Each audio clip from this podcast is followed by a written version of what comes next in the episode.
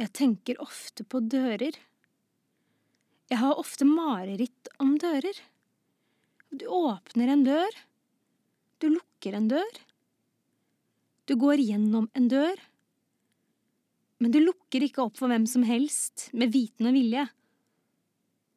Dører er for at du selv skal få komme deg ut for å handle det du trenger til hjemmet eller livets opphold, til selskaper, middager og inn hjem igjen. Eller for å åpne opp for venner og familie, folk du har nære bånd til. Hjemmet er det vi har. Det vi kan stole på. Der vi selv Det vi selv kan bestemme over. Der jeg selv bestemmer. Hjemmet er beskyttet av en grense, av veggene, og døren kan man si er det svakeste punkt. Den er det du som åpner, og hvis du åpner for en ukjent, selv bare på gløtt, så kan det være gjort. Da er du invadert. Jeg vil bestemme selv hvem som skal få komme på besøk til meg. Vi må få bestemme selv hvem vi vil ha besøk av. Hvem som skal få komme inn i vårt hjem.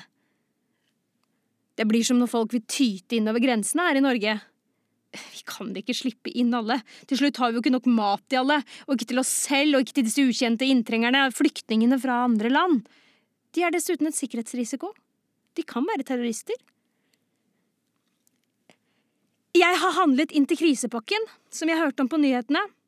At hvis det oppstår en krise, i form av terrorisme eller krig eksempel, så må vi alle ha en krisepakke hjemme som består av vann, primuskjøkken og kokeapparat, DAB-radio med batterier, kontanter, førstehjelpsutstyr, medisiner, ved, mat, stearinlys, fyrstikker, en pakke havregryn, tre bokser middagshermetikk, to pakker knekkebrød, pålegg med lang holdbarhet, tørket frukt eller nøtter, kjeks, sjokolade, lommelykt, varme klær, sovepose, mobillader til bilen, våtservietter, toalettpapir og sist, men ikke minst, jodtabletter ved atomhendelser! Brosjyren beskriver krisescenarioer som kan ramme Norge, og at alle må være en del av beredskapsstyrken. At jeg er en del av beredskapsstyrken. Det kom en brosjyre i posten, så det er tydelig at det ikke bare er jeg som tenker på disse tingene. Fordi myndighetene kan ikke ta ansvar for oss, ta seg av oss, de første 72 timene. Det er tre dager, det. Akkurat som i eventyrene. Og mye kan skje på den tiden. Jeg har foretatt min egen risikoanalyse. Dag for dag gjør jeg det. Og en gang i måneden passer jeg på å sjekke at alt i krisepakken er i orden og fungerer optimalt. Det er god grunn til å frykte at scenarioet blir reelt, sto det i brosjyren jeg fikk i posten, og at når det oppstår mangelsituasjoner i verden, vil små land som Norge ligge dårlig an. Så hvordan skal det gå hvis vi skal åpne våre dører for enda flere? Hjemmet er jo din beskyttelse mot alt der ute og ting som kan komme.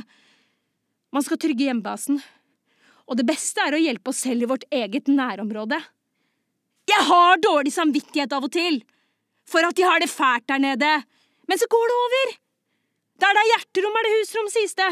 Men hvor stort hjerterom skal man ha, da? Det er ikke plass til mer til slutt!